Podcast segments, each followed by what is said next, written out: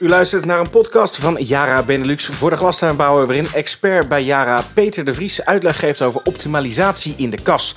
En vandaag hebben we het over stikstof. Peter, goedemorgen. Allereerst de beste wensen voor 2021. Kun jij uitleggen waarom stikstof uh, zo'n ontzettend belangrijk element is voor de plant? Ja, stikstof is eigenlijk eh, een van de belangrijkste minerale bestanddelen, zeg maar. Je ziet vooral dat het nodig is voor de groei, de vegetatieve groei. Dus daarmee bedoel ik dan uh, bladeren en stengels en dat soort zaken. En het zit in bladgroen. Uh, maar daarnaast zit stikstof eigenlijk ook, en dan gaan we een stukje dieper er eigenlijk in, is nodig voor de aanmaak van aminozuren. En dat komt uit, allereerst uit de fotosynthese vandaan. Er worden de suikers gemaakt en er wordt stikstof aangebonden en dan krijg je aminozuren. Mhm. En om dat uh, te kunnen doen, moet de plant dan wel eerst uh, nitraat, wat hij opneemt, en daar komen we later nog eens op als een van de vormen, omzetten naar ammonium. En wel grappig, daarvoor heeft hij dan molybdeen uh, nodig. En nou ja, dan kan hij het binden en dan krijg je dus een aminozuur.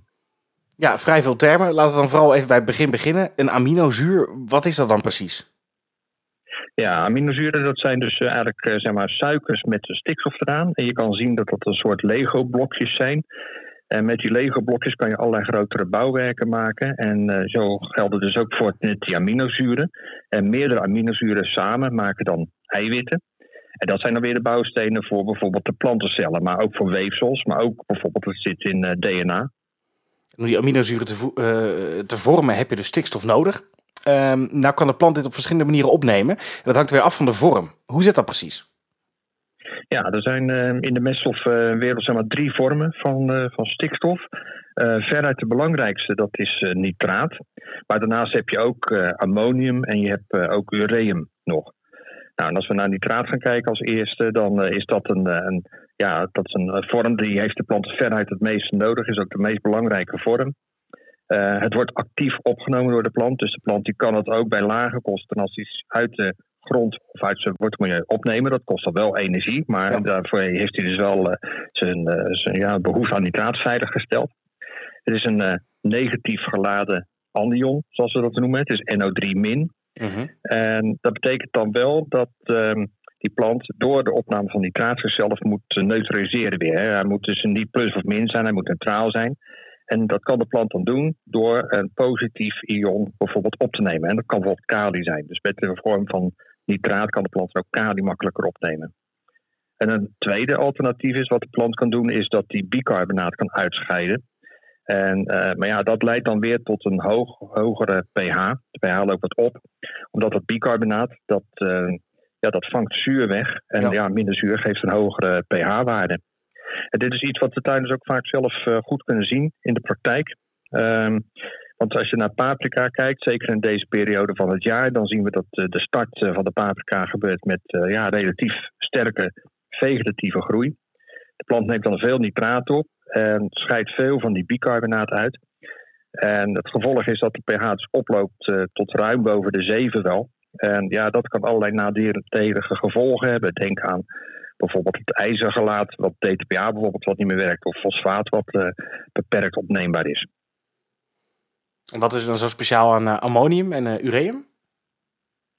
Ja, dat zijn de twee andere vormen. Um, nou, zeker ammonium, dat is ook een hele belangrijke vorm van stikstof.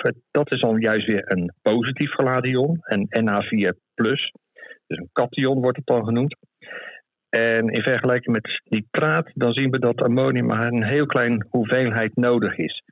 En als je nou naar de substraatteelten kijkt, dan praten we in millimollen over de hoeveelheid natuurlijk. En ja, dus ammonium, ja, dan heeft die plant maar tussen een half en, nou laten we zeggen, maximum 1,25 millimol uh, ammonium nodig. En het hangt heel sterk van het gewas af. Paprika minder dan andere gewassen bijvoorbeeld. Maar ja, we praten lagere waarden. En als we dat tegen nitraat afzetten, dan zien we dat nitraat ja, makkelijk 10 tot 20 millimol uh, uh, nodig is. Ja, en dan zie je dus dat ammonium heel weinig percentage nodig heeft. Maar. Ja. Um, de, we zien ook dat de plant, als die ammonium opneemt, dat is een plusgeladen ion, dan scheidt hij zuur uit. Dat is ook om zichzelf weer te neutraliseren, zeg maar. En dat gaat zo efficiënt dat dan ook de pH daalt in het uh, wortelmilieu. En daarna moet je ook eigenlijk uitkijken met ammonium. Je moet zeker niet te veel geven, omdat anders de pH in het wortelmilieu te veel daalt. Um, maar ook zonder ammonium Dus als je dat weg zou laten, dan zou je zien dat de pH ook weer te hoog gaat oplopen. Dus je hebt het wel nodig uh, om de pH onder controle te houden. En de dosering, ja, dat is echt wel een beetje een soort fine-tuning. Je, je moet dus voorzichtig zijn en nauwkeurig in hoeveel ammonium je geeft. Nou, waarom doet de plant eigenlijk dit dan? Waarom heeft hij dan toch ammonium ook nodig? Dit is eigenlijk ook in de, ja, in de vrije natuur, zou ik zeggen, is het een mechanisme waar planten ook kunnen groeien op bijvoorbeeld hele kalkrijge, hoge pH-gronden. De plant die maakt zijn wortelmilieu een beetje zuurder. En daarmee kan hij dan andere voedingselementen ook weer beschikbaar maken. Maar nogmaals, het is fine-tuning en je moet daar dus uh, ja, nauwkeurig mee omgaan. Nou, je vroeg ook nog naar ureum. Um, ja, dat is een laatste vorm van stikstof. Dat is een hele speciale vorm. Het is geen uh, plus of geen min geladen uh, deeltje. Het is een neutraal ion. Of een, een neutrale molecuul, moet ik dan zeggen in dit geval. En dat betekent ook, omdat hij geen lading heeft, dat er ook geen EC is. EC die kan alleen maar gemeten worden als het een plus of een min deeltje is. Nou, en aangezien ureum neutraal is, kan je hem dus ook niet, uh, ja, kan je geen EC meten. En je kan dus ook niet doseren met een EC meten. En dan ga je dus uh, vreselijk uh, in de problemen komen, want die EC die meter, die meet helemaal niks. Terwijl er wel heel veel stikstof zit op dat moment. Um, nou, de plant die kan ook ureum niet eens direct opnemen. Dus het moet eerst omgezet worden. En daarvoor zijn er weer enzymen nodig. En dat enzym, dat zet dan die ureum om eerst in een gas. En dat wordt ammoniak uh, genoemd. En dat kan je ook ruiken. Um, en tijdens die omzetting gaat ook nog de pH omhoog. En dan moet je weten dat ammoniak is ook nog giftig voor de plant. Dus uh, die moet snel worden omgezet weer naar ammonium. Dat zijn een hoop kreten, maar, maar zo gaat dat dan. Um, ja, en die hoeveelheid ammonium die dan ontstaat, die is zoveel dat dan ook de pH heel sterk zal dalen. En omdat er ammonium weer een cation is, weer een lading heeft, loopt ook de EC nog een keertje op. Dus eigenlijk zie je met ureum een beetje een bijzonder iets. Dat als je ureum gebruikt, dan zie je dat eerst de pH oploopt en dan de, uh, sterk gaat dalen. Hè, dus een hele lage pH. En tevens loopt de EC op. En ja, al dit soort zaken, uh, dat, is, dat maakt dat ureum niet geschikt is voor de substraatteelt. Je moet het ook niet doen, want je, je, je krijgt heel veel onbalans en afwijkende pH-waardes en veel te lage pH-waardes. En ik heb ook daar ook wel grote schades uh, van gezien. Zou je in de andere teelten het gebruik van ureum wel aanraden dan?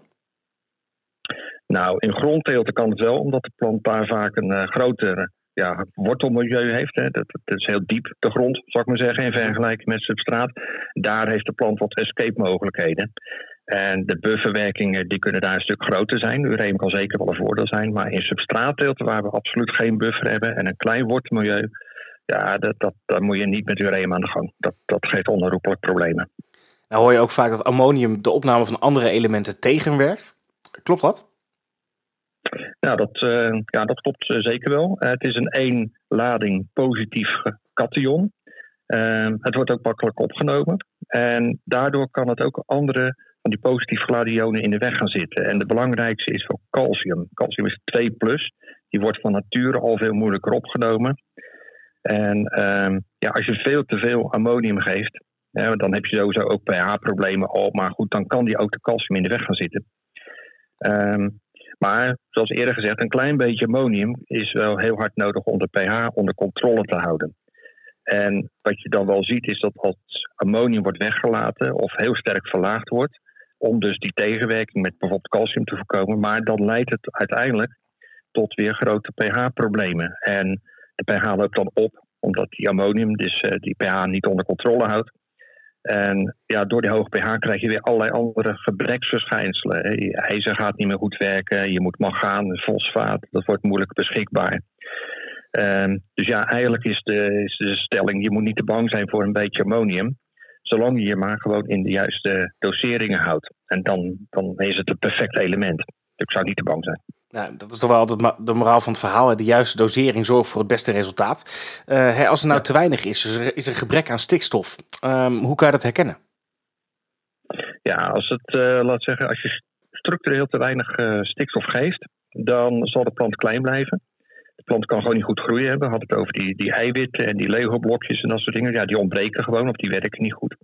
Dus de plant die blijft dan klein. Uh, hij wordt ook lichtgroen van kleur, omdat dat bladgroen gewoon minder goed aangelegd wordt.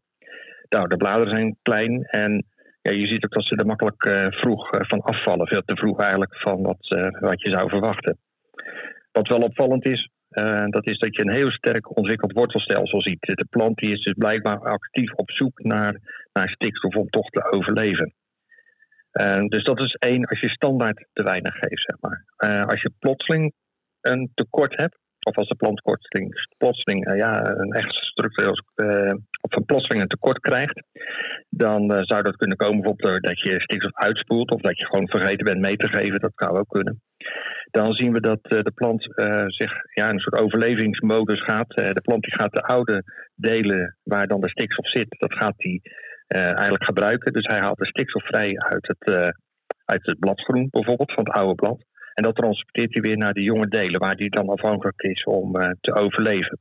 Nou, wat je dan ziet is dat het oude blad, dat wordt uh, ja, lichtgroen in eerste instantie. Het kleurt dan vervolgens naar geel. Dat zal ook afsterven, want het wordt gewoon helemaal leeggetrokken. En ja, dan is het dus duidelijk eerst zichtbaar in de oudste delen. Dat komt dus omdat die stikstof mobiel is. Ja, ja.